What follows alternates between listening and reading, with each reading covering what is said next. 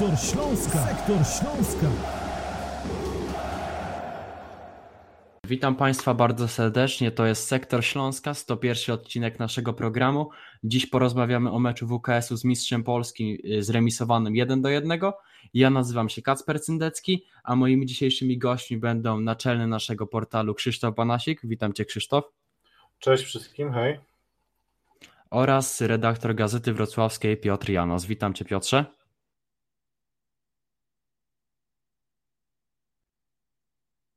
Cześć, cześć, sorki, musiałem się zmutować. Dobra.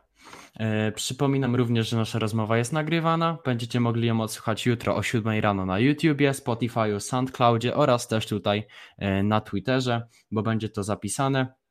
Przypominam, że możecie brać e, udział także aktywnie w naszej dyskusji poprzez klikanie tego mikrofonu po lewej stronie. Ja będę starał się dawać Wam głos. Możecie także pisać na czacie e, jakieś swoje komentarze. Ja będę też starał się to czytać i możemy już rozpocząć. To Krzysztof, zacznijmy może od tego, jaki to był mecz według Ciebie, bo moim zdaniem na pewno było tu dużo szczęścia, jeśli chodzi o tą bramkę dla Śląska Wrocław i można powiedzieć, że to był szczęśliwy remis dla Śląska Wrocław? Tak, słowo szczęście, fart w ostatnim czasie często jest odmieniane przez różne osoby, które wypowiadają się na temat Śląska. Ty też teraz chyba nieco prowoka prowokacyjnie zaczynasz od takiego e, sformułowania. Nie, no ja absolutnie nie uważam, że Śląsk miał szczęście w, ani w tym meczu, w poprzednich e, jakoś też bardzo to szczęście Śląskowi uważam nie sprzyjało, bo no nie da się mówić o tym, że chodzi o szczęście w momencie, kiedy Śląsk wyrównuje rekord zespołu Oresta Lęczyka, rekord też e, sprzed, sprzed jeszcze większej liczby lat meczów mm, bez porażki z rzędu. To jest 17 meczów już ze strzelonym golem. Oczywiście w sporcie szczęście jest potrzebne, to bez, bez dwóch zdań ale można je mieć w jednym, drugim meczu, a nie w, nie w 14 meczach y, z rzędu. To jest po prostu niemożliwe, nierealne. Ja uważam, że Śląsk y, zagrał, czy prezentuje w ogóle taki futbol, na jakiego aktualnie stać. Po prostu znalazł sposób, który daje mu zwycięstwa, daje mu punkty. Y, nie zawsze da się wygrać, no to cieszymy się też z remisu. Absolutnie nie uważam, żeby ten gol Sam Satalara był jakimś golem szczęśliwym. On po prostu go sobie wypracował. Najpierw dobrze stawiając się względem obrońcy, zastawiając się i absolutnie nie było tam faulu na, na środkowym obrońcy, co próbowali sugerować goście, a później wykorzystał błąd bramkarza, więc to ja bym absolutnie nie powiedział, że Śląsk szczęśliwie tego gola strzelił, czy że szczęśliwie ten mecz zremisował, ale to pewnie będziemy jeszcze te wątki rozwijać.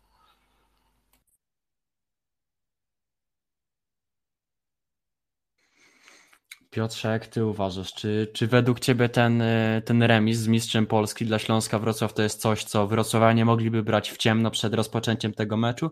I też patrząc tak ogólnie, jeśli chodzi o ten sezon, ta sytuacja teraz obecna, lider Ekstraklasy Śląsk Wrocław, trzy punkty przewagi nad Jagiellonią, czy to jest taki sens, którego wrocławianie nie chcą się trochę wybudzić? No tak, tak to wygląda trochę, mówiąc szczerze, chociaż ja tak samo jak Krzysztof e, można mówić o szczęściu, jeśli 14 meczów z rzędu nie przegrywasz, e, lejesz przed własną publicznością Legię Warszawa 4 do 0. E, okej, okay, ja wiem, jak, jak mecz z Rakowem e, wyglądał, było tutaj kilka innych takich meczów. Uważam, że dużo więcej szczęścia Śląsk miał w meczach wyjazdowych. To, że Śląsk grał z Rakowem tak, a nie inaczej, wynika z założeń, które są brutalne właśnie i, i zupełnie inne niż te, do jakich mogliśmy przywyknąć za pierwszej kadencji Jacka Magiery, kiedy on właśnie za wszelką cenę chciał, żeby Śląsk grał piłką, prowadził grę, żeby był stroną taką dominującą posiadanie piłki. No teraz po prostu Jacek Magiera zrobił rachunek sumienia, e, zobaczył jakich ma piłkarzy i postawił na zupełnie inny sposób grania i ten sposób daje punkty, daje tą serię 14 meczów z rzędu bez porażki. Mm, ta, ten styl gry dał także remis z Rakowem. To jest taki remis, po którym uważam, że oba zespoły mają prawo czuć niedosyt, no bo Raków rzeczywiście dominował, tylko że bardzo mało oddawał celnych strzałów na bramkę, takich, z których naprawdę mógł, mógł paść gol. Śląsk z kolei, no, Exposito 9 na 10 sytuacji takich, jakie miał, na 2 do 1 y, wykorzystuje. No, to akurat był ten dzień, gdzie była ta jedna, której nie wykorzystał, więc uważam, że no, nie możemy mówić tylko i wyłącznie o szczęściu w kontekście tego, że Śląsk dzisiaj liderem, ma 37 punktów, 3 e, punkty do utrzymania, I no nie, no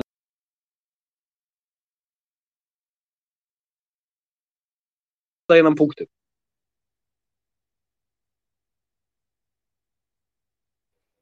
Nie wiem, czy to tylko u mnie, ale przez moment chyba e, ścięło Piotrka. Tak, u mnie, u mnie też, tak. Dobra, to, to dobrze, że nie, to nie jest problem mojego internetu. Ale będąc jeszcze przy tym, co działo się w pierwszej połowie, bo mówiliście panowie o tym, że Śląsk gra w taki pragmatyczny sposób, że te 14 wygranych meczów to jest taki rachunek sumienia Jacka Magiery, który przyszedł do Śląska, wykonał te drugie podejście i zmienił tak naprawdę trochę swój mindset i patrzenie na to, co będzie prezentował Śląsk Wrocław. Przychodził do Śląska Jacek Magiera i mówił otwarcie, można powiedzieć, że chce grać, żeby, chce tak grać, żeby zachęcić kibiców do przychodzenia na stadion, żeby ta piłka była taka atrakcyjna.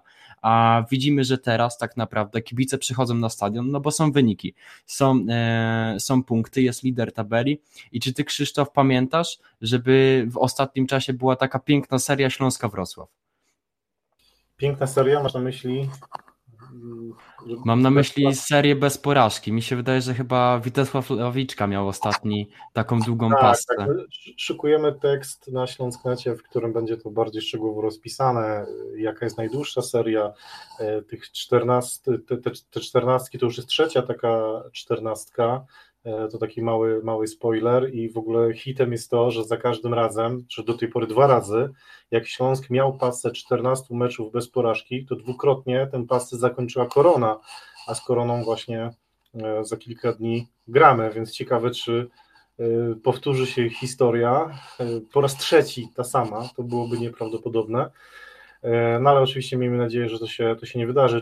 Pytasz, czy pamiętam te, te pasce? No, no trudno zapomnieć, oczywiście to było całkiem niedawno za kadencji Witysława e, Lawiczki. To też nie był taki futbol, który nazwijmy to imienia Jerzego Engela, futbol na tak, tylko to bardziej był e, futbol pragmatyczny. Czasami też nasze, no, nazwijmy to, oczy cierpiały, e, ale wynik do pewnego momentu się zgadzał i tak samo jest teraz pod wodzą trenera Jacka Magiery. Ja wszystkim tym, którzy wypominają Śląskowi styl, który jest gdzieś tam, no, jest jedną ze składowych po prostu uprawiania piłki nożnej. Chciałbym przypomnieć, że w sporcie, piłce nożnej, chodzi o wygrywanie, zdobywanie punktów, zajmowanie odpowiedniego miejsca w tabeli. Na dzisiaj to po prostu się sprawdza. Ja też nie uważam, żeby mecz z Rakowem był jakiś super atrakcyjny, ale czy dzisiaj Śląsk kadrowo, poten, biorąc pod uwagę potencjał Śląska, jest w stanie prowadzić równorzędną grę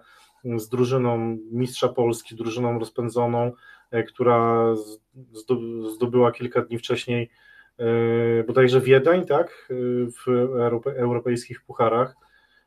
Śląska nie stać dzisiaj na to, żeby prowadzić taką równorzędną grę z Rakowem Częstochowa, więc jeżeli ja wiem jako trener, że na wymianę ciosów nie mogę pójść, bo to byłoby takie harakiri, no to szukam jakiegoś rozwiązania, w jaki sposób ja inaczej mogę wygrać tę wojnę, bitwę, więc to jest zupełnie dla mnie naturalna droga, którą idzie trener Magiera.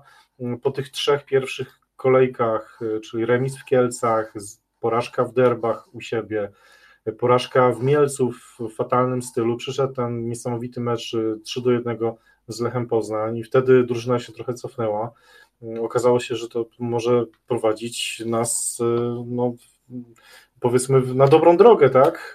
Y, są, są, są tego efekty, więc y, trudno jest się w jakimś sensie zakochać w, w, w tym stylu, jaki prezentuje Śląsk, natomiast trudno przejść obojętnie obok tego, że, że ten styl, jakikolwiek on by nie był, daje określone efekty i no my, ludzie z Wrocławia, kibice Śląska, sympatycy Śląska, y, pamiętając ostatnie dwa sezony. Tam były fajne mecze za trenera Iwana Dziurczewicza, były te niesamowite trzy zwycięstwa z Lechem Poznań w, w fajnym stylu, ale no my dzisiaj absolutnie nie możemy narzekać na to, że Śląsk się cofa na swoim boisku, grając przeciwko mistrzowi Polski.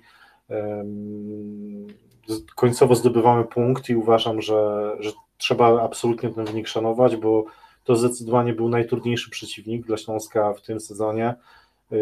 Chyba Jacek Magiera nawet, nawet to podkreślił na konferencji prasowej, więc zdecydowanie trzeba zaliczyć kolejny mecz jako mecz, który w jakimś sensie buduje, uważam, Śląsk. Tak jak wcześniej, nie wiem, zwycięstwo 4 do 0 nad Legią Warszawa, jak zwycięstwo z ŁKS-em w, w końcówce, jak ta, to, to niesamowite zwycięstwo w Krakowie z Krakowią, grając w dziewiątkę, to dzisiaj mamy kolejny, kolejny uważam, jakiś taki ważny, ważny fundament, czyli udało się odrobić wynik z mistrzem Polski, udało się zatrzymać mistrza Polski. Uważam, że to jest kolejny gdzieś tam kamyczek, mm, który, który może no, dać jakiś fajny kolejny fundament.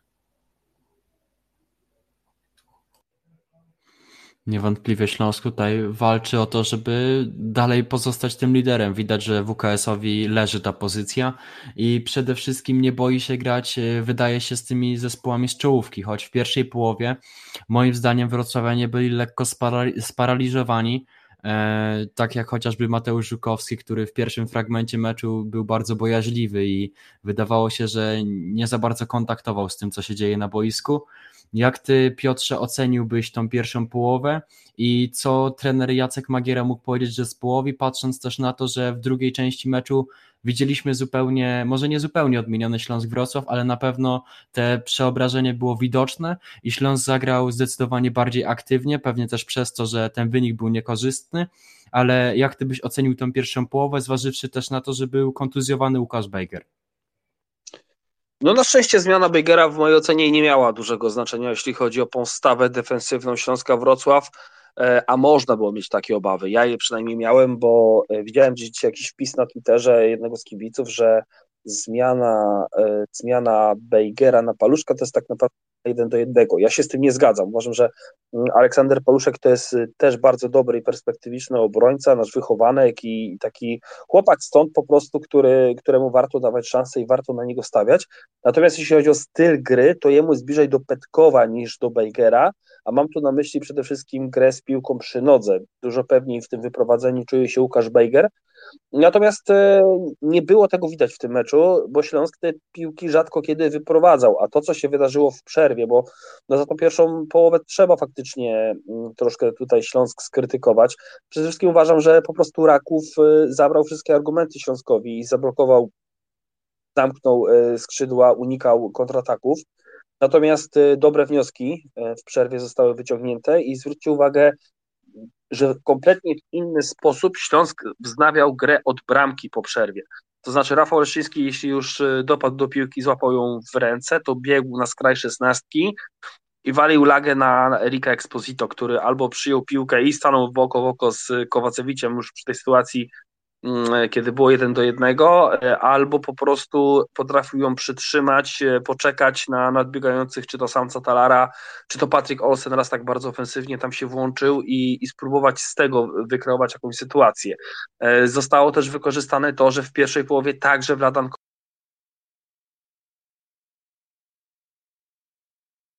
paradoksalnie wcale dużo inaczej nie grał. Po prostu umiał lepiej wykorzystać ustawienie Rakowa, który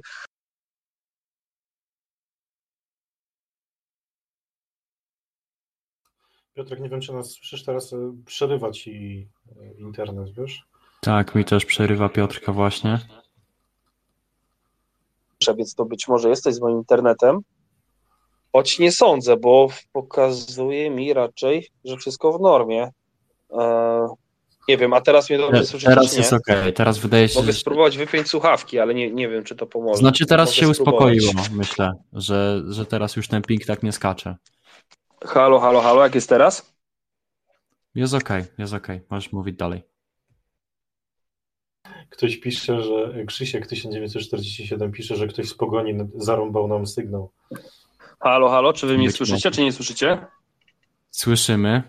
Halo? Słyszymy, słyszymy.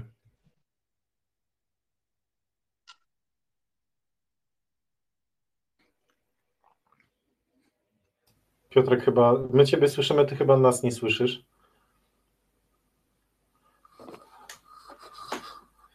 No to, to, to, ja może się odniosę. Y, to, to, co powiedział Piotrek w kontekście, nie, chciałem powiedzieć Krzysztofa Paluszka, ale to już, to, już, to już minęło, to już było. E, Aleksandra Paluszka, w kontekście Aleksandra Paluszka, to, to uważam, że przede wszystkim on dał bardzo dobrą zmianę. Ja nie kojarzę jego jak, jakiegoś nie wiem, złego zagrania, nerwowego zagrania. To była taka zmiana, jeżeli chodzi o jakość, zmiana trochę jeden, jeden do jednego. Natomiast na pewno nie, nie była to zmiana jeden do jednego w kontekście stylu gry, umiejętności, E, czy poszczególnych, poszczególnych nie wiem, aspektów bronienia, bo Paluszek jest po prostu dużo mniej mobilnym zawodnikiem, co wynika wprost z jego wzrostu, z jego koordynacji i tak dalej. Łukasz Bejger nie bez przyczyny często występował na, na prawej obronie, grywał na wahadle, kiedyś nawet na lewym wahadle Śląsku przecież zagrał i tak samo w United grał na prawej obronie. E, czy na półprawym stoperze też go, go, widzieliśmy przecież, bo to zawodnik, który jest właśnie, właśnie mobilny i to nie jest taki sam stoper jak Aleksander Paluszek, ale jakościowo uważam, że Paluszek naprawdę bardzo dobrze sobie poradził i trzeba mu tutaj bić, bić brawo, bo wszedł w trakcie pierwszej połowy, to też nie jest łatwe wejść w mecz mm, na pozycję stopera, gdzie tak naprawdę cały czas jesteś, jesteś pod prądem, czy w akcji defensywnej, czy w akcji ofensywnej, kiedy musisz rozgrywać, rozgrywać piłkę od własnej połowy, tym bardziej, że Raków stosował wysoki pressing i nie było łatwo e, tym środkowym obrońcom e, rozgrywać, więc na pewno jakbym miał e, podpowiedzieć Kacprowi, komu mógłby dać plus w stałym dziale, który Kasper piszesz, czy plusy i minusy, to myślę, że taki jakiś mały plusik przy, przy Alku by się przydał. A teraz możemy sprawdzić, czy Piotrkowi działałeś mikrofon. Piotrek, daj tutaj znak. Halo, halo, nie wiem, czy mnie słyszycie? Halo, Jest okay. halo. Dobrze słychać, dobrze słychać. Jest w porządku, dobra. Ja się po prostu wyłączyłem ze słuchawek, nie wiem, może to coś pomoże. Przełączyłem się też na internet w telefonie. E, zobaczymy, jak to będzie funkcjonowało. No ja, ja tylko kończąc tam ten wątek, bo nie wiem, nie wiem, co było słychać, co nie, no to po prostu miałem obawy, czy, czy rzeczywiście Alek Paluszek da taką zmianę, jaką dał, bo dał bardzo dobrą, to też on zagrał tę piłkę do Samca Talara, po czym, po czym padła bramka i uważam, że to, że w tym meczu Śląsk wyglądał znacznie, znacznie lepiej w drugiej połowie, wynikało przede wszystkim z tego, że, że zostały w przerwie wyciągnięte dobre wnioski i Śląsk zaczął wykorzystywać to odważne ustawianie się piłkarzy, piłkarzy Rakowa, więc y, no za to brawa, bo, no bo to taktycznie zostało bardzo dobrze rozegrane. Moim zdaniem brawa też przede wszystkim należą się jednemu z, z zawodników środkowej strefy, czyli Peterowi Pokornemu, który moim zdaniem zagrał bardzo dobrze i jest man of the match tego spotkania w mojej opinii, e, bowiem Słowak bardzo często przejmował piłkę, był aktywny w środkowej strefie i dużo go było w tym centrum boiska. Jak ty Krzysztof ocenisz ten jego występ? Oczywiście zszedł z kontuzją, e, niby według tych doniesień medialnych będzie to nie jakiś mega długi uraz, ale, ale jakbyś właśnie ocenił grę Słowaka w poprzednim spotkaniu? Tak, tak jak pisaliśmy na Śląsknecie, Piotrek też o tym pisał na, na X-ie. Y, pierwsze takie gdzieś tam informacje nieoficjalne, które do nas dochodziły w kontekście urazów, kontuzji Łukasza Bejgera i Petera Pokornego, mm, były bardzo negatywne, y, że, że obydwaj wypadają na kilka miesięcy.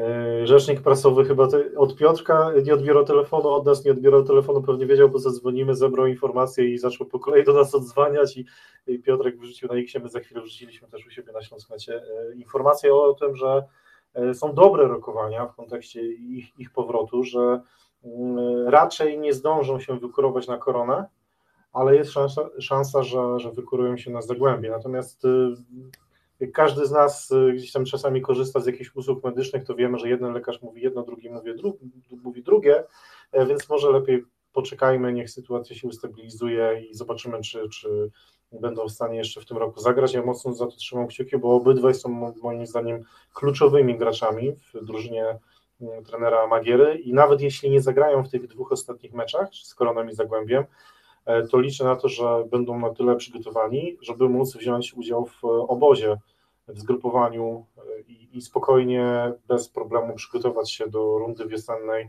która pewnie dla Śląska będzie, będzie trudniejsza niż ta runda, która jeszcze e, trwa, dlatego że no inne kluby już e, będą wiedziały, na co się, czego się spodziewać od Śląska i być może przygotują coś specjalnego pod, pod Śląsk, między innymi pod lidera, będzie hasło, hasło bij lidera. Poza tym mamy, mamy wyjazdy do Szczecina, e, mamy wyjazd e, do, do Warszawy, do Poznania, więc pod tym względem też to będzie trudniejsza runda na pewno dla, dla Śląska. Ale wracając do Twojego pytania, czyli Peter Pokorny, od początku, jak pojawił się ten transfer Pokornego, to, to gdzieś tam były takie głosy z Oporowskiej, że, że to może być naprawdę bardzo dobry transfer, e, że to może być zawodnik, e, który będzie miał pewny plac e, w środku pola i to się potwierdziło.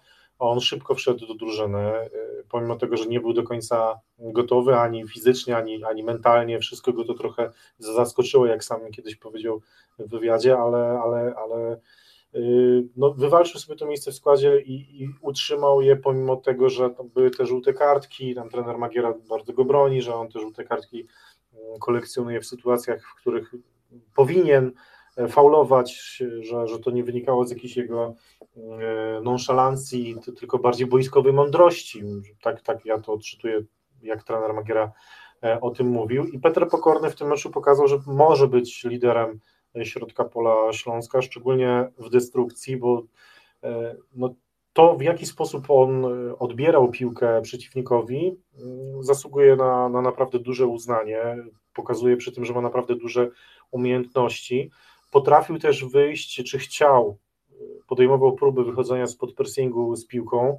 E, w pierwszej połowie pamiętam, że była taka jedna sytuacja, że, że trzech, czterech zawodników tam w końcu obok Pokornego było i on ostatecznie tę piłkę stracił, więc, więc być może jeszcze kwestia podejmowania decyzji, to w jaki sposób on te decyzje podejmuje, jakie decyzje podejmuje, tutaj to wymaga jeszcze moim zdaniem optymalizacji, bo też te żółte kartki nie wszystkie on powinien e, je zobaczyć, nie, nie, nie, nie, nie w każdej tej sytuacji powinien faulować, więc jeśli Peter Pokorny dołoży lepsze, podejmowanie lepszych decyzji e, na boisku, no to będzie kolejny zawodnik, którego, mm, po którego ustawi się za chwilę kolejka chętnych. Y, I to kolejne brawa dla dyrektora sportowego Dawida Baldy, że potrafił wyciągnąć takiego zawodnika za darmo. E, no i dzisiaj, jak popatrzymy ogólnie na ten pierwszy skład Śląska, to tam mm, jest naprawdę sporo piłkarzy, których Śląsk, na których Śląsk może zarobić. E, w poprzednich sezonach no to nie było takie, takie oczywiste. Tak, naprawdę wielu zawodników niewątpliwie się promuje teraz e, poprzez tą grę Śląska Wrocław, ale patrząc na te kontuzje, patrząc na, na, na tą kadrę, którą Śląsk w tym momencie dysponuje, czy według Ciebie Piotrze w tym meczu z Rakowem już było powoli widać brak Matiasa Nauela Lejwy? Trudno powiedzieć, bo to był taki mecz, gdzie Śląsk w 100% oddał posiadanie piłki e, rywalowi. E, to nawet z Legią nie wyglądało w taki sposób. Być może po części wynikało to z tego właśnie, że takiego piłkarza jak Nauel e, na boisku nie było. Generalnie w dłuższej perspektywie, a tak oceniam te cztery mecze, no bo to już jest jakaś tam dłuższa perspektywa, na pewno będzie widać brak Nauela. Ja myślę, że dużo bardziej będzie go widać jego brak w meczu z Koroną Kielce, no bo nawet jeśli E, daj Boże, to zawieszenie zostanie troszkę skrócone, no to podejrzewam, że w najlepszym układzie Nauel wróci na, na derby z Zagłębiem. Nie, nie sądzę, nie wierzę, żeby Komisja Ligi e, była w stanie zmienić tą decyzję, czy też ten organ, do którego trzeba się odwołać, bo to, to jest jakiś tam inny organ w PZPN, już nie chcę wchodzić w te, w te szczegóły.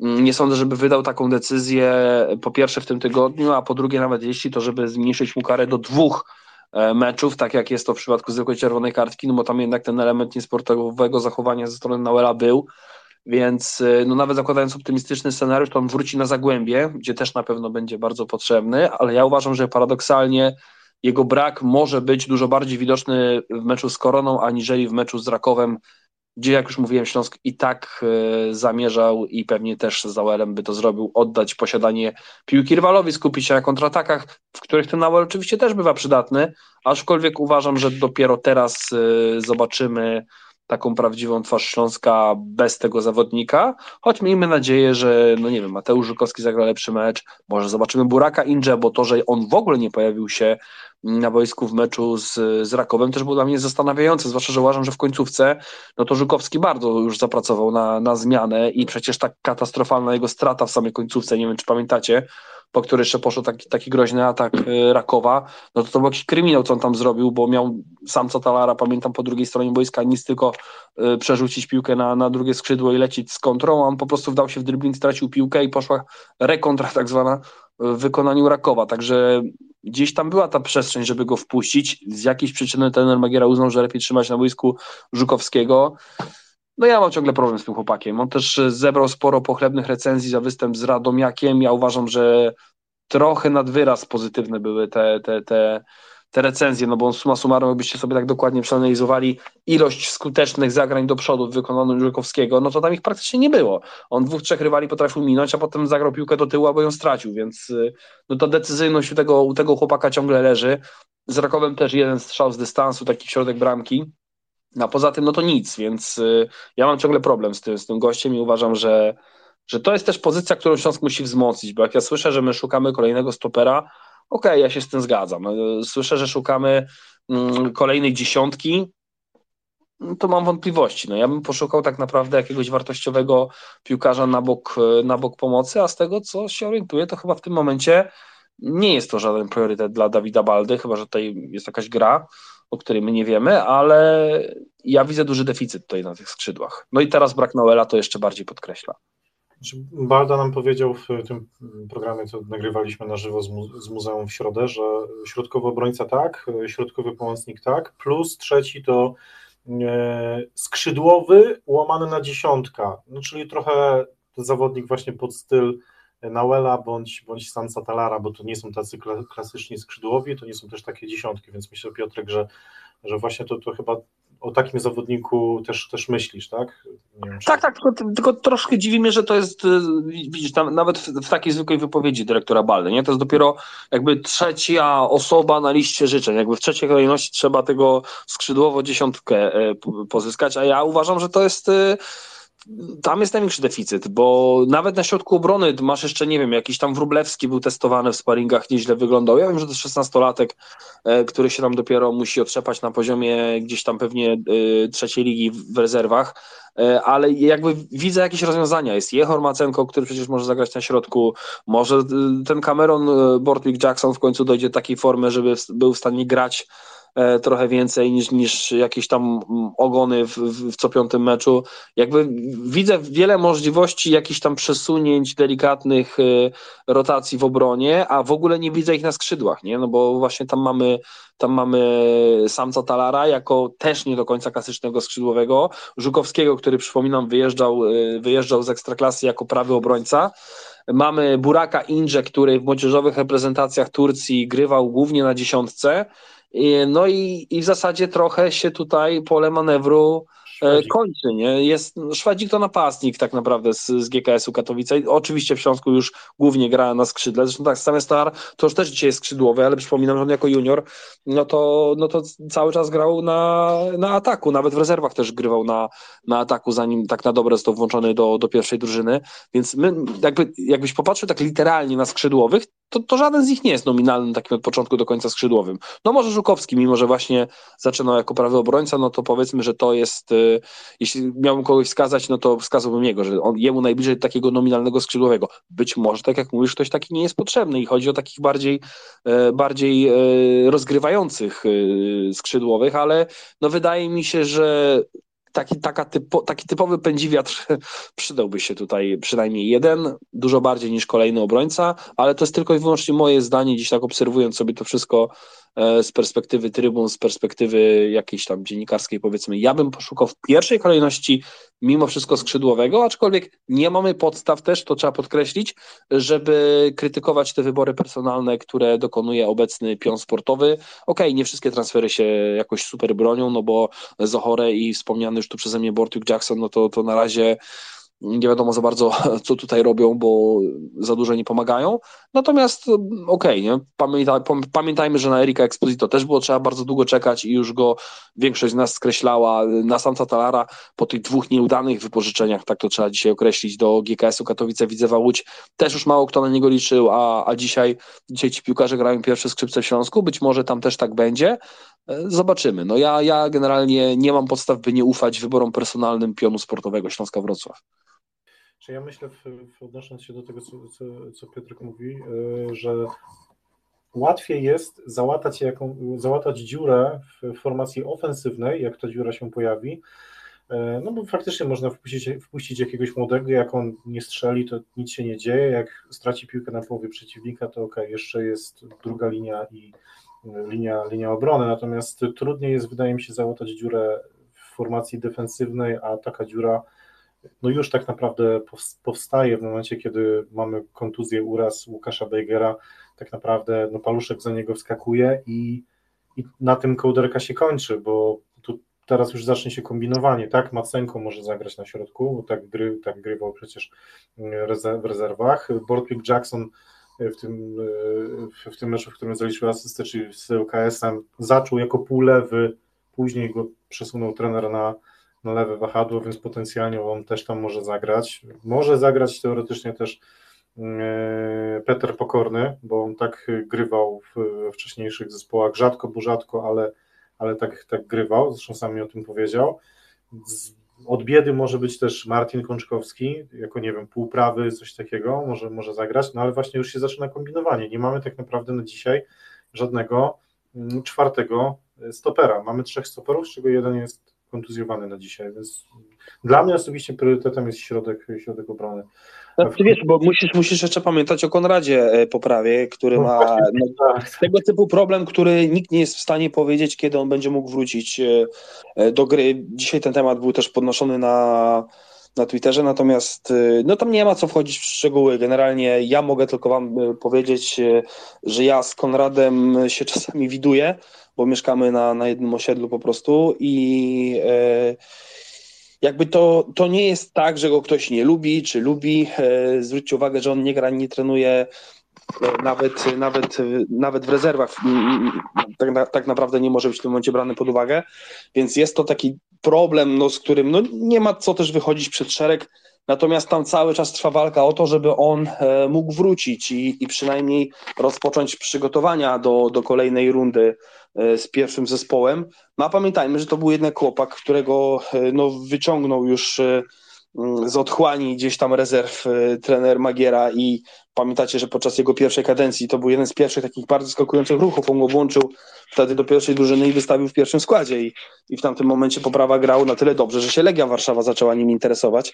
Więc y, na pewno jest to, jest to gość, na którego jeszcze w jakimś stopniu, mm, no, znaczy inaczej, musimy o nim pamiętać, bo to jest piłkarz, na którego będzie można liczyć, jeśli on będzie zdrowy i będzie w stanie grać. Pytanie, kiedy to się stanie, trochę nie wiadomo, ale wiesz, no, w momencie jak ściągniesz kolejnego piłkarza, na przykład takiego jak ten, o którym gdzieś tam dzisiaj pisaliśmy na, na Twitterze, tego Bułgara e, Petrowa, no to trochę zrobi się ciasno, jak, jak wszyscy wrócą do gry. Matsenko, tak jak mówisz, y, no, że gdzieś tam grywał na środku. To jest generalnie środkowy obrońca, to jest tak nominalnie środkowy obrońca, wychowany na tej pozycji.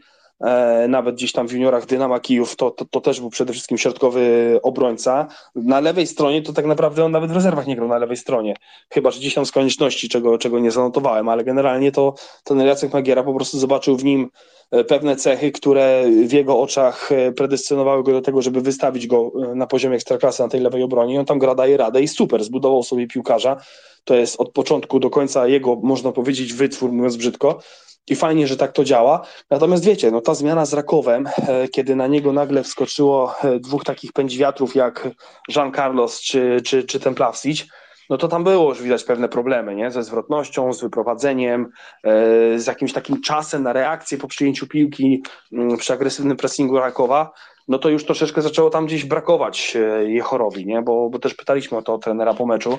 No zmiana była podyktowana wyłącznie względami taktycznymi, nic mu się na szczęście nie stało, żadnego tam urazu, e, urazu nie było, więc no dla mnie po prostu Jechor, zmierzam do tego, to też nominalnie środkowy obrońca, nie? Więc gdzieś tam tych stoperów ja mimo wszystko widzę w miarę sporo, chociaż też się z Tobą, Krzysztof, zgadzam, że dobrze by było w ogóle nie kombinować, jak masz taką parę jak Bejger i Petkow, no idealnie by było, żeby byli zdrowi, nie łapali kartek i grali wszystko od, od, deski do deski, no ale logicznym jest, że tak być nie może, a z drugiej strony, no nie możesz też sprowadzać tych obrońców Bóg wie ilu yy, i później, wiesz, kisić gdzieś tam na ławce czy, czy po rezerwach, bo to też nie jest do końca dobre. Ja bym dzisiaj, będąc z dyrektorem Baldą, szukał przede wszystkim jakiegoś e, skrzydłowego, ale tak jak już mówiłem i już nie chcę się powtarzać, skoro uważają, że są inne priorytety, to ja im po prostu ufam.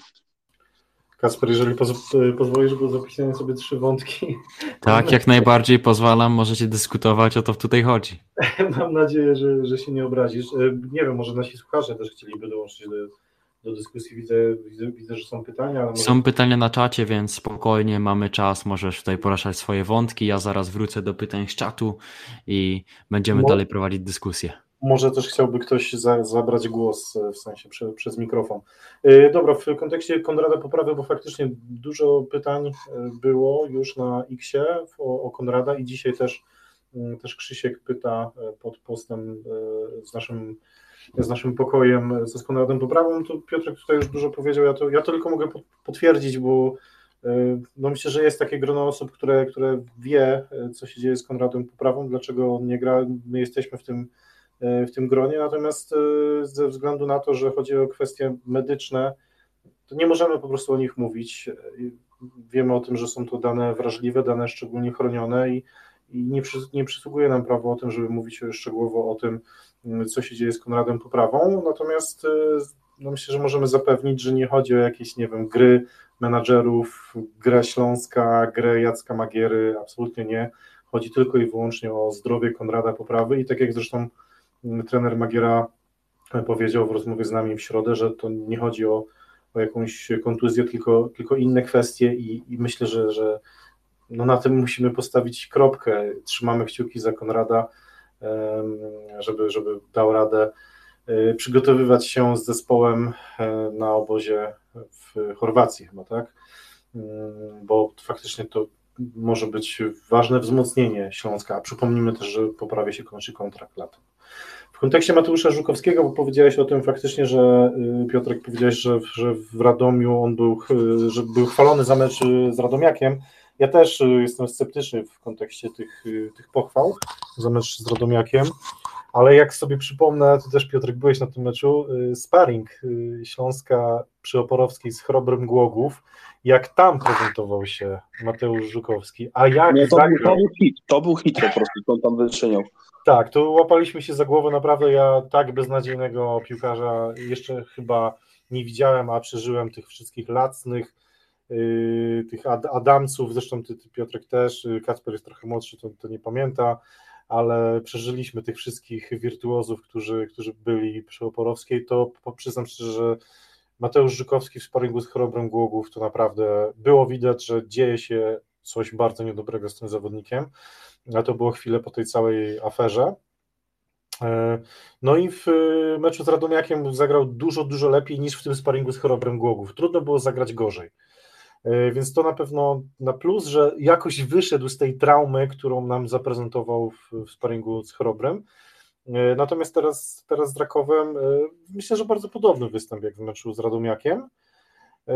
Nic nie zawalił, poza tą jedną akcją prawie ostatnią akcją w meczu, o której też Piotrek powiedziałeś. Ja, jak, jak Żukowski tę piłkę stracił, to ja sobie myślę w duchu, Matko Boska, to będzie ta akcja, która, która go pogrąży.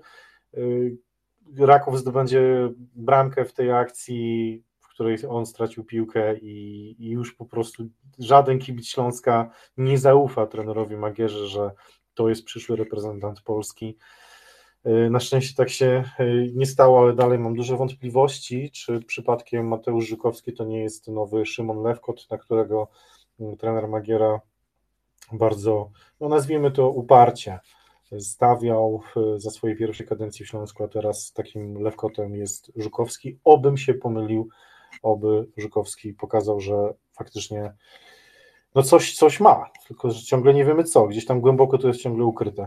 W kontekście, w kontekście Macenki, to trzeci wątek już ostatni Kasper, który sobie zapisałem, e, w pełni się zgadzam, oczywiście to nie jest lewy obrońca, to jest środkowy obrońca, ale nigdy nie sprawdzony na tej pozycji e, na poziomie ekstraklasy, to, to jedyna moja obawa, oczywiście ma już doświadczenie w ekstraklasie, natomiast jednak gra na środku obrony jest e, trudniejsza, jest bardziej, bardziej odpowiedzialna i i na dzisiaj nie wiemy, jak Macenko by się tam spisał, więc jeżeli mówimy o Śląsku Wrocław jako liderze tabeli, no to dla mnie to jest y, pewien dysonans, że tam na środku obrony miałby grać ktoś, kto no, chyba ani minuty na środku obrony w Ekstraklasie nie zagrał, wolałbym tutaj czy na, nie tylko na poziomie ekstraklasy, bo to może być ktoś z zagranicy, kto przyjdzie, nigdy nie grał w ekstraklasie, a grał, nie wiem, w Premier League na przykład. Tylko mam na myśli po prostu jakiś wyższy poziom na, na tej pozycji.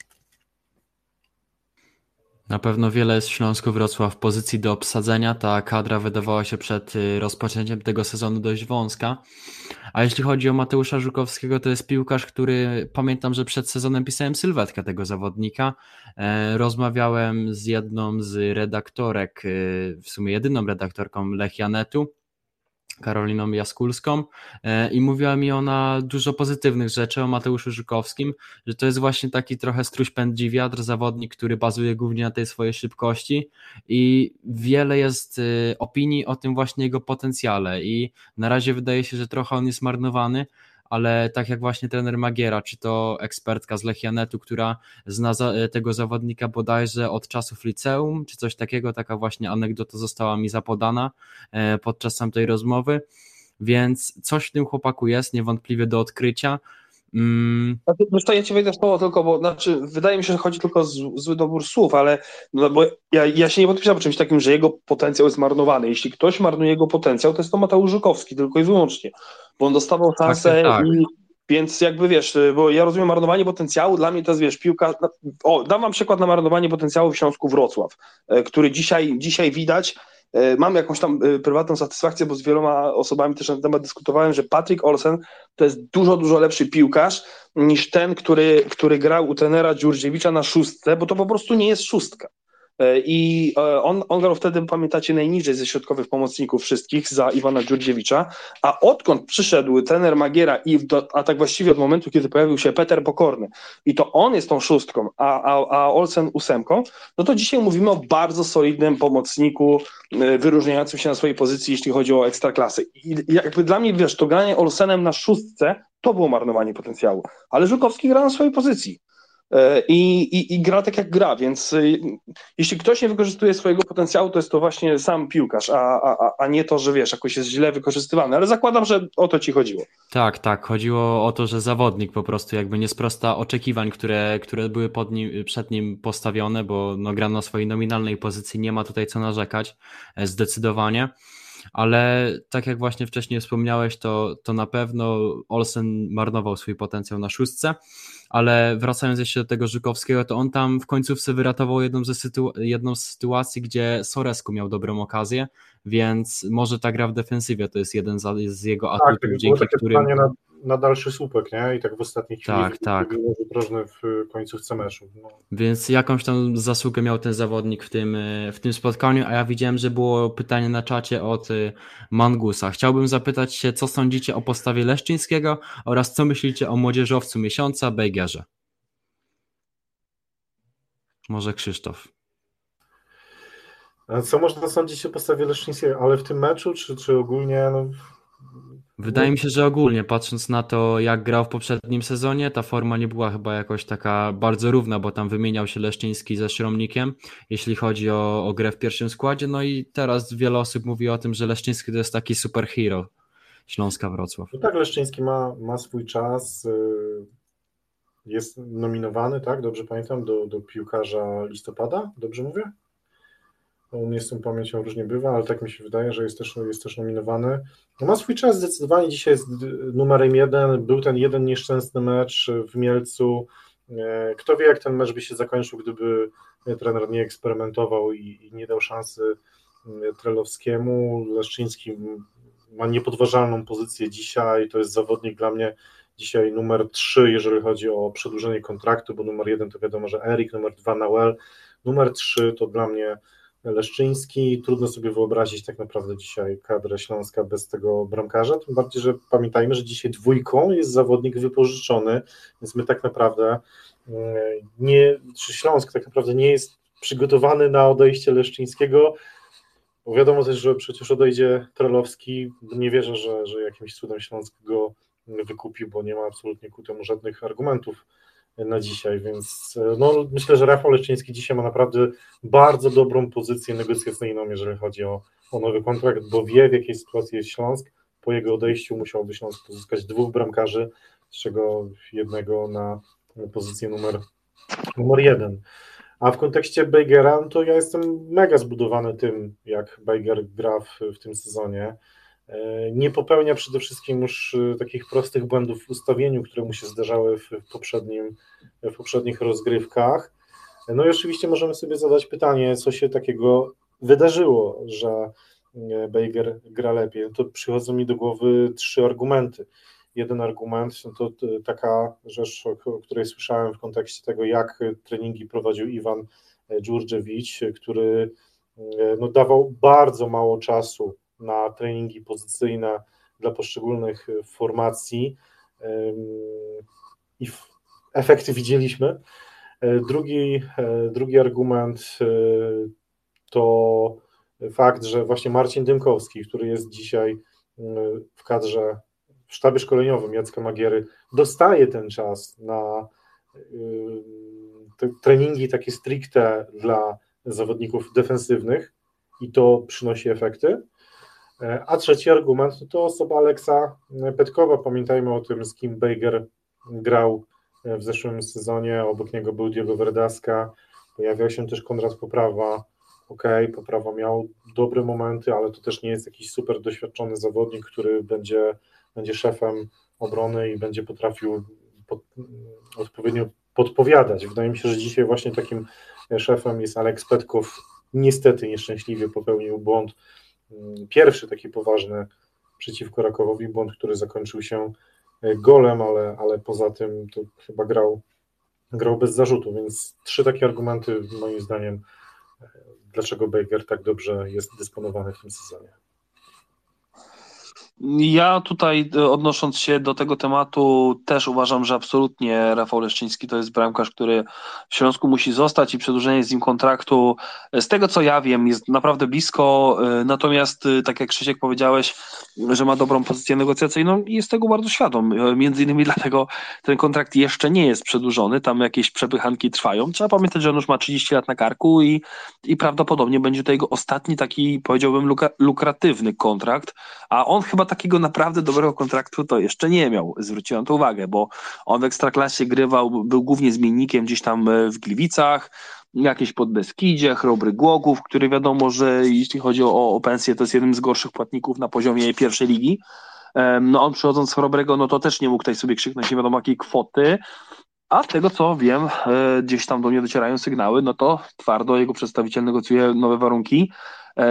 Też być może dlatego jeszcze nie udało się go ogłosić przed meczem z Rakowem, a były takie zakusy, były takie myśli, żeby, żeby to wtedy sobie dyrektor Balda wszedł z prezesem i pochwalili się zatrzymaniem no dzisiaj jednego z najlepszych bramkarzy całej ekstraklasy, tak to trzeba mm, powiedzieć. Natomiast ja też y, oceniając postawę Leszyńskiego tak w trochę szerszym konspekcie, patrząc na całą rundę, to wiecie co, jednej rzeczy mi u niego troszeczkę brakuje, e, no bo jakby wszystkiego atutach już teraz nie będziemy mówić, one są oczywiste i, i chciałbym, żeby to wybrzmiało, że ich jest znacznie, znacznie więcej i to jest dzisiaj naprawdę jeden z topowych bramkarzy w lidze. Natomiast yy, miałem taką dyskusję w trakcie meczu z Rakowem, konkretnie w pierwszej połowie, gdzie naprawdę ten element znów było widać, że to źle funkcjonuje u Rafała Leszczyńskiego, a mianowicie gra nogami. Wznowienie. Janek słusznie zwrócił mi uwagę, że E, Adam Nawałka, powołując go, pamiętacie, to było takie sensacyjne powołanie z pierwszej ligi z Dorkanu Ząbki do Ekstraklasy, e, argumentował to tak, że to jest właśnie bramkarz, który wyróżnia się pod tym względem, że bardzo dobrze gra nogami. A ja uważam, że jeśli tak wtedy było, bo już nie pamiętam, prawdę mówiąc, wtedy tak też nie śledziłem jakoś bardzo e, pierwszej ligi, mm, ale zakładam, że, że właśnie tak było, no to on to gdzieś zatracił, bo wiele tych jego wznowień było takich albo po autach, niecelnych, nerwowych, ta piłka leciała za nisko, rywale ją przejmowali.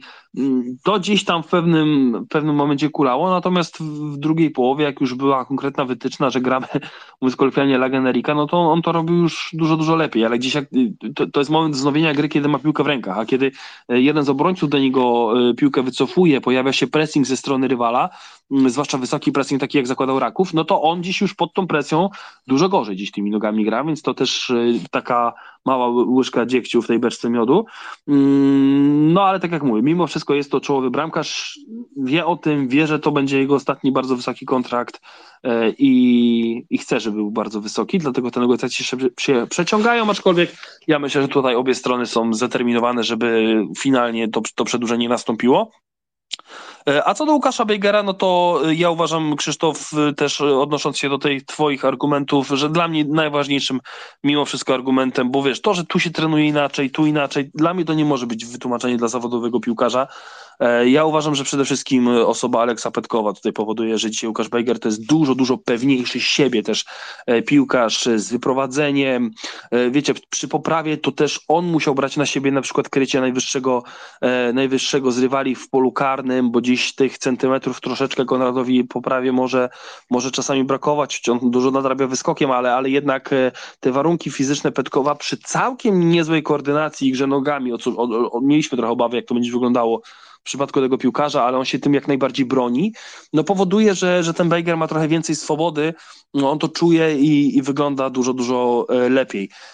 To też jest piłkarz, słuchajcie, którego będzie tutaj ciężko zatrzymać. E, no, nie zdradzę wielkiej tajemnicy, mówiąc, że on już pół roku temu bardzo mocno liczył na transfer. To były takie zakusy, on bardzo chciał. Suma summarum nic z tego nie wyszło. Mm, natomiast e, nie zdziwię się, jeśli pojawi się za niego dobra oferta już tej zimy i może być tak, że jego przedstawiciel zapuka do, do pokoju Dawida Baldy i, i może w jakimś tam stopniu nalegać na ten transfer. Trzeba się z tym liczyć. Mam nadzieję, że tego nie dojdzie, że będzie takie twarde weto jak w przypadku mm, Erika Exposito, ale nie mam przekonania, że, że, że, że to nastąpi. Więc tutaj też trzeba mieć to na uwadze. Cieszymy się, że on się rozwija i gra tak jak gra, no ale też musimy się liczyć z tym, że no Śląsk nie będzie w stanie takich piłkarzy długo, długo zatrzymywać. Być może też ta pozycja, która w tym momencie została wypracowana, lider gra, no chyba dzisiaj to trzeba powiedzieć, gra już o najwyższe cele, o puchary to na pewno, ale, ale być może nawet o, o mistrzostwo, zobaczymy jak to się rozwinie. Oczywiście wiem, że to dopiero połowa sezonu, jeszcze wiele może się zmienić, ale no trzeba trochę już też wymagać od tej drużyny, kiedy jest tak dobrze. I może to też sprawi, że on będzie chciał jednak zostać i dograć ten sezon do końca, a może po prostu nie będzie na tyle dobrej oferty. Zobaczymy. Aczkolwiek tutaj chciałem tylko delikatnie zaznaczyć, coś wnieść e, nowego do tej naszej dyskusji, że no pojawiają się jakieś tam głosy, że on może, może być go ciężko zatrzymać, więc zobaczymy jak to się rozwinie, kontuzja na szczęście niepoważna i no myślę, że przynajmniej jeden z tej dwójki to jeszcze, mam na myśli tutaj pokorny Bejger zagra z Koroną, e, to już później te, usłyszałem taką, taką no i chcę powiedzieć plotkę, no bo to, osoba z klubu mi to powiedziała, ale, ale generalnie jest, jest szansa i Anna Zagłębie powinni być obaj, więc zobaczymy, jak to wszystko się potoczy, ale na pewno czeka nas bardzo ciekawy okres transferowy. To, to jestem przekonany, że tak będzie.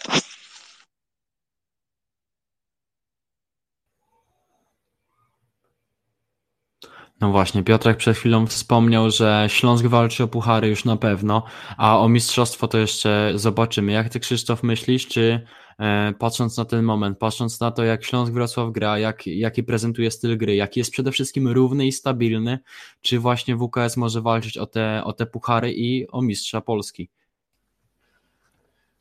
Co mogę odpowiedzieć? No, oczywiście trzymam kciuki, żeby, żeby tak było, a czy tak się stanie? Na dzisiaj można powiedzieć, że no, nie można przejść obojętnie obok zespołu, który po 17 kolejkach, jest liderem. E, poniósł tylko dwie porażki w tych 17 meczach. Od 14 meczów jest niepokonany. W każdym meczu mm, zdobył przynajmniej jedną bramkę. Tak, no, na dzisiaj, biorąc pod uwagę te argumenty, Śląsk jest dla mnie jednym z pretendentów do tytułu. Natomiast to wszystko niestety może się odwrócić. Oby tak nie było. E, rozmawiamy tutaj o tym, że są pewne E, pozycje w Śląsku, które nie są jakoś super obsadzone, nie ma tej odpowiedniej głębi e, w, w kadrze. I tak jak teraz no boimy się o tę kontuzję Pokornego i Bygera, jest jeszcze kartka Nauela, no właśnie sezon jest długi i w takich sytuacjach, w takich momentach może się okazać, że jednak ta kołderka jest zbyt krótka, żeby no, ten upragniony tytuł zdobyć. Natomiast jeżeli uda się ten zespół odpowiednio zimą wzmocnić na te pozycje, o których dyrektor Balda mówił, jeśli uda się też zatrzymać tych zawodników, którzy są dzisiaj pierwszoplanowy, pierwszoplanowymi y, postaciami w zespole, no to zdecydowanie Śląsk powinien jasno, stanowczo powiedzieć, gramy o mistrza wiosną, ale tutaj no, jest jeszcze bardzo dużo znaków zapytania, jest jeszcze bardzo dużo kolejki, tak jak mówiłem, ten terminarz też będzie trudny. Kiedyś pisaliśmy o tym na naszym wewnętrznym czacie śląsknetowym, że faktycznie ten terminarz będzie trudny, bo jedziemy do Poznania, jedziemy do Częstochowy, jedziemy do Warszawy, jedziemy do Szczecina, natomiast Śląsk lubi grać z kontry, e, więc grając na wyjeździe łatwiej jest grać z kontry, tak oczywiście potencjalnie się wydaje, także e, niby będzie trudniej, ale z drugiej strony może trochę łatwiej, no i tutaj no trochę to jest wróżenie dla mnie, ja nie lubię czegoś takiego, e, jest bardzo daleka droga jeszcze do tego, żeby powiedzieć, co Śląsk osiągnie w tym sezonie. Potencjał na pewno jest, pokazuje tabela, dotychczasowe wyniki, ale dużo się rzeczy może zadać po drodze. A teraz mam pytanie z czatu. Krzysiek 1947 pyta. E, pytanie do pana Janasa. Co z prywatyzacją? Dziś e, wywiad Piotra Potępy z panem pre e, prezydentem. Mają panowie jakieś informacje? Słuchajcie, nie będzie tej prywatyzacji. Ja w to nie wierzę po prostu. To, to się za długo ciągnie. Za dużo jest sprzecznych informacji. Jest jakiś taki lobbying, widzę nawet tu na Twitterze e, z czyjejś tam strony, że nie, no właśnie wszystko super idzie i no nie idzie, słuchajcie, no, no gdyby, ta, gdyby ratusz szczerze tej prywatyzacji chciał, to w mojej ocenie ona byłaby już dokonana. E, w tym momencie e, spółka miejska, jaką jest Śląsk Wrocław, E, jest jedna z lepiej funkcjonujących spółek miejskich w tym mieście. I, i co? I, I pozbywać się jej tuż przed wyborami, gdzie ciągle wiadomo, że obsadzamy to swoimi ludźmi. Mm, proszę spojrzeć na skład Rady Nadzorczej, na skład w poprzednim zarządzie był też na przykład Wojciech Bochnak, więc wiecie, no to jest, moja, to jest moje zdanie, to jest moja opinia. To nie jest tak, że teraz bazuję na jakichś kolejnych e, super nowych informacjach, bo ja troszeczkę już straciłem wigor do pozyskiwania jakichś tam informacji na ten temat, ponieważ doskonale widzę, co się dzieje i sprawa Marcina Torza, e, która dzisiaj już tam powiedzmy, że przygasła, przycichła, ona też e, zasadzała się o tą prywatyzację, no bo e, samo to, że dzisiaj w klubie jest, jest Patryk Załęczny prezesem, e, że, że dalej miasto wybierało mu współpracowników, bo oczywiście możemy się czarować i, i dalej twierdzić, że to Patryk Załęczny chciał Marcina Torza, nawet nie uczestniczył w rozmowach przez jakiś czas, więc nie żartujmy, że tak było. Tak nie było oczywiście i e... no dobra, tego na razie nie powiem, ale generalnie jest tak, że yy ja, ja szykuję taki bardzo duży tekst na ten temat, y, natomiast wstrzymam się z nim jeszcze y, do jakiegoś oficjalnego statementu, czy to ze strony Westminster, czy ze strony ratusza. Nie sądzę, żeby, żeby coś takiego szybko nastało. Ale moje zdanie na dzisiaj jest takie, przykładając ucho tu i ówdzie, że żadnej prywatyzacji nie będzie. I ja już się z tym pogodziłem. Znaczy inaczej, ja nigdy w 100% w tą prywatyzację nie uwierzyłem. Zawsze miałem e, jakąś taką lampkę w głowie. Tu, tu już tyle różnych rzeczy się działo, tyle podchodów. E, Grzegorz Szlak, później ten Urfer, który finalnie wylądował w, w, w Gdańsku i może i dobrze, że nie we Wrocławiu, więc e, to jest, powiem wam, to jest tak zagmatwana sprawa, a jednocześnie tak łatwa do przewidzenia, że moim zdaniem nic już się tutaj nie wydarzy. Wiele będzie też zależeć od polityki. Zobaczymy, e, jak finalnie będą wyglądać listy, jeśli chodzi o kandydatów na prezydenta Wrocławia. E, to wszystko będzie miało bardzo, bardzo duże e, znaczenie. Zobaczymy, kogo ostatecznie wystawi Platforma Obywatelska, czy rzeczywiście tak jak się mówi gdzieś tam teraz, tak jakoś bardzo super w polityce nie, nie jestem, ale z tego co słyszę, to mają, mają wystawić kogoś innego niż, niż Jacek Sutryk, w sensie nie udzielić mu poparcia, no bo to chyba nie jest członek e, członek e, Platformy, więc e, zobaczymy, nie? Ja generalnie myślę, że do prywatyzacji nie dojdzie, ale jeszcze, jeszcze się wstrzymuję, żeby jakiś duży materiał, czy jakiś większy wywód na ten temat popełnić. Rozmawiamy sobie teraz tutaj na pokoju, więc, y, więc o tym mówię, bo tak szczerze i realnie uważam. To, to jak kontynuując powiem, mm, że ja, uważam dokładnie tak samo i tak naprawdę od, od początku mm, tam przecież było to przedłużenie te, tego przetargu, okazało się, że by, był już przecież jakiś e, gotowy podmiot, który, pod którego ten przetarg był rozpisany. Okazało się, że on się nie zgłosił. Do, do, do dzisiaj chyba nie wiemy ostatecznie, kto tak naprawdę to był. Zgłosiło się to Westminster. Temat się ciągnie. I tak jak słusznie powiedział, powiedział Piotrek, to, to, ja to nazwę w ten sposób, no bo to jest prawda. Śląsk jest dzisiaj klubem politycznym, a to oznacza, że przewidywanie jakiejkolwiek przyszłości, co z tym klubem się zadzieje w kontekście właścicielskim, nie sportowym, bo teraz zostawmy ten sport na boku, jesteśmy w gabinetach teraz, e, przewidzieć jakąkolwiek przyszłość w klubie politycznym to jest po prostu nierealne, niemożliwe. E, są osoby, są dziennikarze, które się w tym specjalizują i to nie mówię tutaj absolutnie z żadnym przekąsem, jakąś, jakąś ironią i e, oni nam dostarczają tych, tych informacji, co aktualnie się dzieje w kontekście E, polityki e, we Wrocławiu i widać, że dzieje się dużo. Piotrek o tym właśnie powiedział, o tym zamieszaniu. Platforma Obywatelska wycofuje się z poparcia dla prezydenta Jacka Sutryka. E, nie wierzę w prywatyzację Śląska w, w, w, najbliższym czasie, tym bardziej, że właśnie czekają nas wybory, to raczej jest niemożliwe do przeprocesowania przez, przez, obecne, przez obecne władze. E, I powiem szczerze, tak, tak na marginesie, że ja chyba nie chciałbym tej prywatyzacji teraz. E, to może być w jakimś sensie kontrowersyjne, bo wiem, że zdecydowana większość, jakby zrobić taką ankietę, czy jesteś za prywatyzacją Śląska, to tak jak w, w, to jest takie pytanie w stylu, jak były te,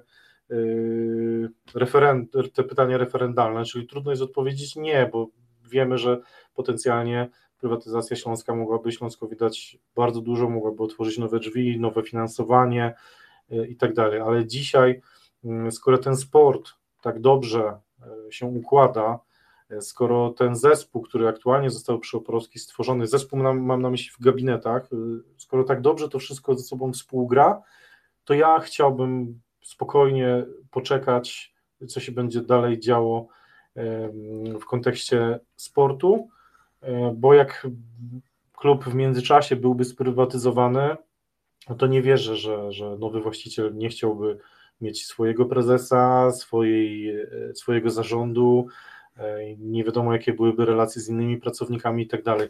Dzisiaj wydaje mi się, to jest oczywiście tylko moja ocena, że dzisiaj Śląsk po prostu działa bardzo dobrze i to na, na wszystkich płaszczyznach. Nie wiem, może ktoś tutaj zarzuci jakiś temat, wątek, gdzie, gdzie, gdzie jeszcze tam Śląsk leży ewentualnie, natomiast wydaje mi się, że dzisiaj y, przy Oporowskiej wszystko działa. Od, od marketingu, od, od przygotowania boiska, do czego się też kibice przyłożyli, przez transfery do, do boiska, y, jak, jak dojdziemy, to po prostu dla dzisiaj wszystko funkcjonuje. I dla mnie byłoby szkoda po prostu to, to, to rozbijać, co zostało w ostatnich tygodniach, miesiącach stworzone. Tylko wiesz co, ja się tutaj odniosę, bo ja, czy, wiesz co, dzisiaj my patrzymy przez pryzmat wyniku i, i zawsze tak jest, nie, że e, prezes PZPN-u jest hejtowany wtedy, jak reprezentacja gra słabo. I, i tu jest bardzo podobny case, bo zwróćcie uwagę, mm, jak najbardziej cieszę się, że mamy dzisiaj taki zarząd, e, wszyscy się cieszą, że jest Dawid Balda, wokół którego było przecież tyle kontrowersji, tyle bardzo nieprzychylnych mu osób w polskim środowisku piłkarskim e, wydzwaniało i do mnie i do was pewnie też, i opowiadało, Boże, jakie to zło dotyka Śląsk, jaki to przychodzi kombinat, jaki, jaki po prostu jakiś przekręt chodzący, który tylko będzie patrzył, żeby prowizje jakieś zgarniać od agentów, nielegalne, półlegalne. Cuda na kiju się nasłuchałem o, Dawid, o Dawidzie Baldzie, aż w końcu sam go zaprosiłem do studia i wiele wątpliwości rozwiałem, wiele zostało we mnie, natomiast ja oceniam go przez pryzmat pracy i ona jest świetna. A pamiętacie, kto go zatrudniał? Sutryk, Magiera? Waśniewski. Ten nienawidzony przez kibiców Śląska Waśniewski. Popatrzcie, ile, ile, ile, ile ale, zobaczcie dalej, ale, ale ile transferów y, Baldy dzisiaj gra? I ilu piłkarzy sprowadzonych teraz y, przez ten zarząd? Petkow i Pokorny. Nie? Zobaczcie, to, to, to, to, to nie jest tak, że nagle, nagle pojawił się nowy zarząd, który zaczął robić cuda, nie? To po prostu zdarzyło się wiele rzeczy niewytłumaczalnych, jak dla mnie. E, też chciałbym zaznaczyć, że to jak Śląsk grał, jak fatalnie punktował w zeszłym sezonie, też było niewytłumaczalne, bo to nie była aż tak słaba kadra, co idealnie widzimy teraz. Największym błędem tego klubu na przestrzeni ostatnich dwóch lat, w mojej ocenie, no już prawie trzech lat, to było zwolnienie Jacka Magiery. Ja uważam, że to była absolutnie najgorsza decyzja, jaką klub podjął, bo ja nie mówię, że nas, nie wiem, należało trzymać się kurczowo rękami, nogami i nigdy go nie zwolnić, choćbyśmy spadli, to, to, to, to nie zwalniamy trenera. Nie, ale jak chcesz zwolnić trenera, takiego trenera jak Jacek Magiera, to musisz mieć następcę. A jak bierzesz Piotra Tworka, y, a potem Iwana Dziurdziewicza, który też był swego rodzaju zagadką na poziomie ekstraklasy, no to ja tego nie kupuję. Ja uważam, że to, to był najgorszy, najgorsza decyzja poprzedniego zarządu, która rezonowała bardzo, bardzo długo i, i finalnie doprowadziła do tego, że tego zarządu już nie ma. Natomiast y, ja generalnie trochę się wstrzymuję jeszcze z tymi, z, z, tą oceną, że teraz jest tak wszystko super, ekstra, hiper i nie warto tego ruszać. Ja uważam, że prywatyzacja jest potrzebna. Podmiot, który chce kupić Śląsk, bo to też, żeby wybrzmiało i, i powiem to głośno i wyraźnie, firma Westmeister według mnie byłaby bardzo dobrym właścicielem. Inaczej, ma, ma, ma wszystko ku temu, by takowym być łącznie z takim jakimś zapleczem merytorycznym e, w postaci Cezarego Kucharskiego. E, ja uważam, że generalnie tu jest potencjał na to, żeby zbudować z tym konkretnym, prywatnym właścicielem bardzo du duży, silny klub na solidnych fundamentach, który e, dalej oczywiście grałby na, na, na miejskim stadionie i korzystał z akademii też budowanej de facto ze, ze środków rządowych, ale to Wrocław nie byłby wcale jedyny pod tym względem. E, I i po prostu pieniądze na to łożyłby prywatny właściciel i miasto także, bo to nie jest tak, że miasto zachowując sobie tylko tam te 19% z kaczykiem już by nie dawało kasy. Powiem wam więcej, nawet usłyszałem, Trochę teraz plotkuję, bo jakby nie mam twardego potwierdzenia z drugiej strony, aczkolwiek nie sądzę, żeby ono kiedykolwiek y, nastąpiło, że y, generalnie to przedstawiciele Westminster chcieliby, mm, mimo że nabyliby 80% akcji, żeby miasto dalej w równym, y, w, z taką samą intensywnością łożyło na klub, te dalej te 13 milionów, plus takie ratunkowe, a to coś tam od miasta, a to coś tam od wodociągów, znaczy od miasta, od zoo. E, wiecie, wiele różnych takich lewarów tu było stosowanych i z tego, co usłyszałem, to generalnie tenże prywatny podmiot wcale nie chciałby, żeby tych pieniędzy e, z miasta płynęło mniej, mimo że miasto miałoby już tylko jakieś tam dużo, dużo mniejsze e, udziały, nie? I wiecie, i to cały czas trwa takie przeciąganie inne. No, trwa już na tyle długo, E, że w mojej ocenie nie ma ani żadnych postępów, takich realnych postępów, e, ani przede wszystkim e, nie ma najważniejszego. Nie ma woli ze strony ratusza do tego, żeby sprzedać tej firmie Śląsk Wrocław. I dlatego ja w to po prostu nie wierzę, choć chciałbym, ja, ja akurat tu w przeciwieństwie do Krzysztofa, ja bym chciał, żeby to nastąpiło. Znaczy ja docelowo też uważam, że, że trzeba Śląsk sprywatyzować, tylko mam na myśli, że moment jest taki moim zdaniem średni, dlatego że szkoda byłoby w jakimś sensie rozwalać e, no, tę ekipę, która na dzisiaj wykonuje dobrą pracę. To pokazuje. Racjonalny, racjonalny właściciel wcale by tego nie rozwalał. Nawet nie musiałby wsadzać nowego prezesa. Może nie wiem, powołałby sobie wiceprezesa swojego, nie? Albo jakiegoś, nie wiem, na przykład kogoś takiego, jak jest Burlikowski w Zagłębiu Lubin, e, bo nie jest dyrektorem sportowym, chociaż teraz pełni wszystkie te role jak Guldana pogonili, e, tylko jest dyrektorem pionu sportowego, czyli z kimś jakby pod prezesem, ale nad dyrektorem sportowym, nie? I jakby e, dałoby się to, to kontrolować, nie zaburzając tego, co jest obecnie, chociaż wiadomo, że zawsze jakieś nowe osoby, nowe pomysły, każdy chce się popisać, pokazać, e, że wie lepiej. Natomiast e, ja nie, nie rozczytuję tego tak, że ta prywatyzacja e, byłaby równoznaczna z wypieprzeniem wszystkich z klubu, jeśli chodzi o pracowników takich administracyjnych, prezesów i wiceprezesów i tak dalej. I, I wiesz, próbowaniem takiej operacji na żywym organizmie w trakcie sezonu, gdzie idzie tak dobrze. No, trzeba byłoby być bardzo nierozsądnym, żeby to zrobić. Prawdopodobnie takie coś nastąpiłoby latem. E, więc e, odwagi, panie prezydencie. Ja uważam, że mimo wszystko warto byłoby spróbować e, i dać, dać ten Śląsk tak poważnemu biznesmenowi, jakim jest Marian Ziburskę.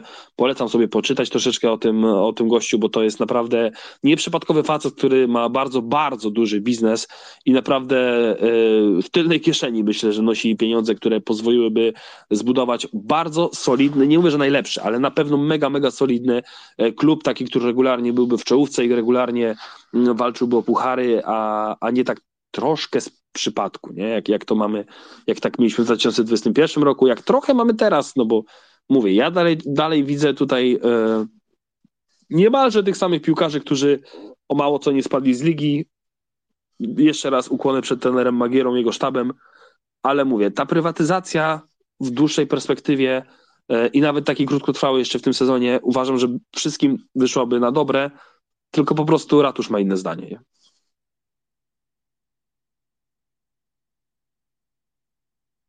I myślę, że w temacie prywatyzacji tutaj powinniśmy już postawić kropkę, ale ja jeszcze chciałbym zagaić tutaj trochę o temat frekwencji, bo równe 40 tysięcy wydaje się takim dziwnym wynikiem.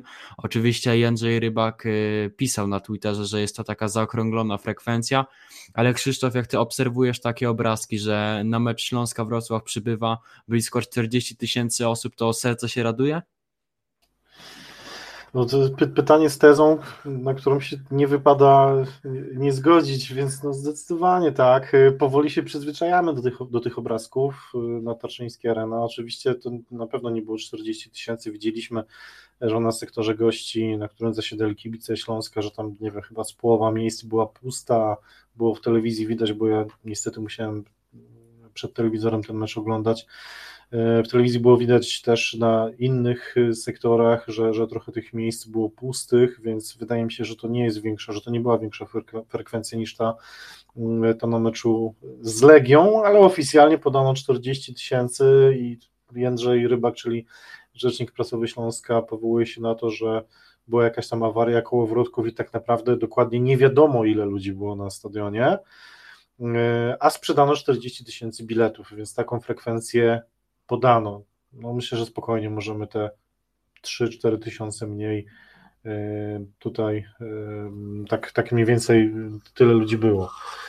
Y, zobaczymy teraz na koronie, jak będzie. Bo to ostatni mecz domowy, domowy w tym roku. Tam Śląsk chce, chce wyjść na pozycję lidera, jeżeli chodzi o, o frekwencję. 30 parę tysięcy ludzi musi przyjść na mecz, żeby Śląsk ostatecznie zajął pierwsze miejsce, jeżeli chodzi o frekwencję w ekstraklasie w tej rundzie biorąc pod uwagę warunki pogodowe, to może być trudne, bo jednak no, tych fanatyków, y, takich, którzy przyjdą niezależnie od pogody, no to jest kilka tysięcy maksymalnie, a większość to, to osoby, które przychodzą jak do kina po prostu obejrzeć, obejrzeć y, dobre kino, czy jak do teatru obejrzeć dobry spektakl y, i obawiam się, że, że pogoda trochę tych ludzi odstraszy, ale bądźmy optymistami i trzymajmy kciuki. No ja się też tutaj zgadzam, że no, tych 40 tysięcy mogło nie być. Natomiast wiesz co, 3-4 tysiące mniej to chyba nie. E, też trzeba pamiętać, że no, przy takiej masie ludzkiej e, też jakby jest statystycznie więcej osób, które akurat idą e, coś zjeść, czegoś się napić, e, e, czy nawet, nie wiem, do toalety, bo był taki moment w drugiej połowie, gdzie właśnie szturchnąłem kolegę, który ze mną siedział, mówię, ty popatrz teraz na te trybuny, nie? No może z 4 tysięcy do kompletu, a ten stadion ma tam 44 tysiące z kawałkiem, brakuje.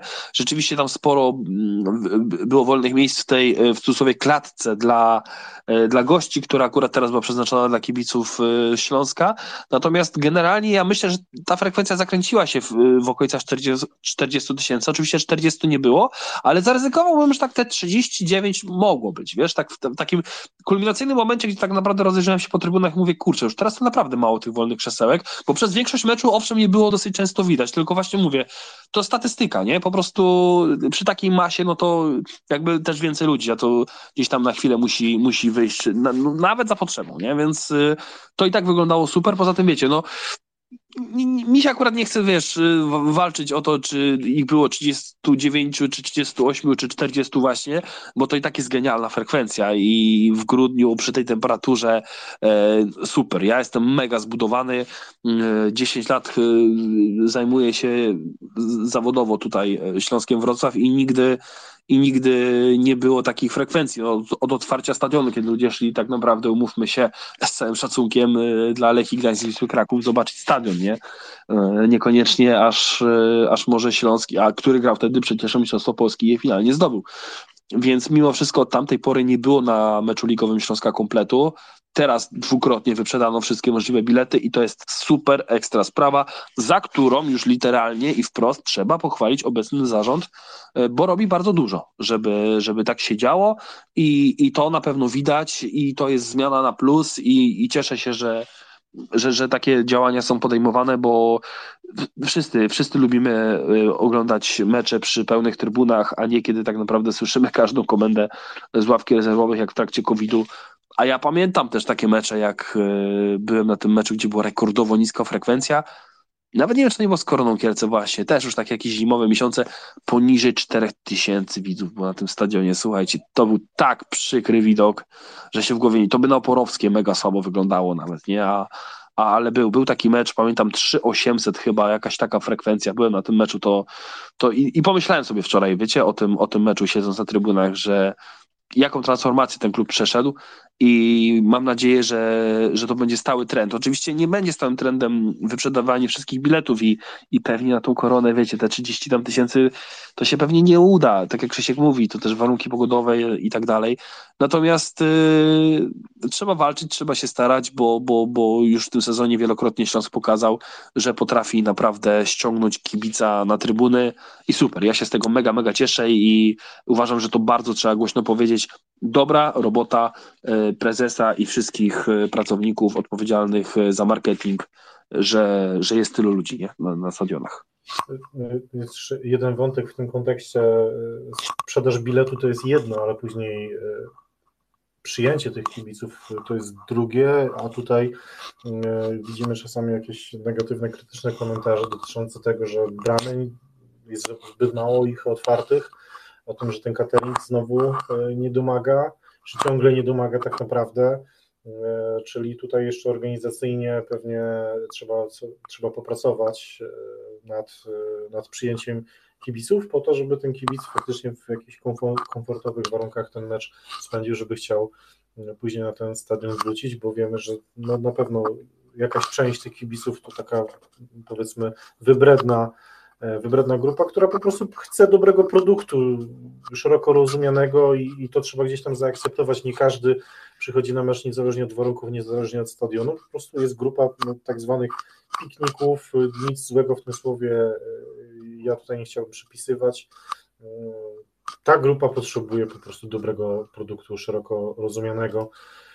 A w kontekście frekwencji, to tak sobie odwinąłem teraz frekwencję sprzed roku i był mecz z Legią Warszawa, który na pewno wszyscy pamiętają, niesamowita podwieszana oprawa, 75-lecie Śląska, czyli wydawałoby się, że niesamowity potencjał, jeżeli chodzi o ściągnięcie ludzi, a tam było niecałe 22 tysiące kibiców, z czego pewnie 3 tysiące Legii, więc y, taki mecz, takie obchody nie przyciągnęły wtedy kompletu. Dzisiaj no jakiś tam mecz z Rakowem, co prawda mistrzem Polski, ale, ale kibicowsko absolutnie y, totalnie neutralne spotkanie przyciągnęło komplet, jeszcze 3,5 tygodnia przed meczem sold out, no, coś nieprawdopodobnego, niesamowite czasy, jeżeli chodzi o ten aspekt.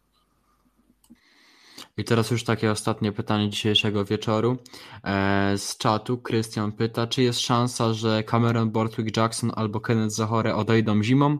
W sensie nie, żebym chciał, ale każdy widzi, jak to wygląda. Nie ma takich szans w mojej ocenie. Nic się takiego nie wydarzy. A jeśli już, e, nie, no to może jakieś wypożyczenie Kenneta Zachore. E, Bortwick Jackson na pewno nie pamiętajmy, że będzie Klimala do grania też od, od rundy wiosennej, czyli realny następca Erika Exposito. Nie dajcie sobie kibice mydlić oczu tymi rozmowami z Erikiem. No one, one są podjęte, no bo one muszą zostać podjęte, ale no dzisiaj, nie wiem, no może, no nie wiem, może Raków, może Legia jakby zwolnił jakiś wysoki kontrakt, to, to byłoby te kluby stać na zatrudnienie tego piłkarza.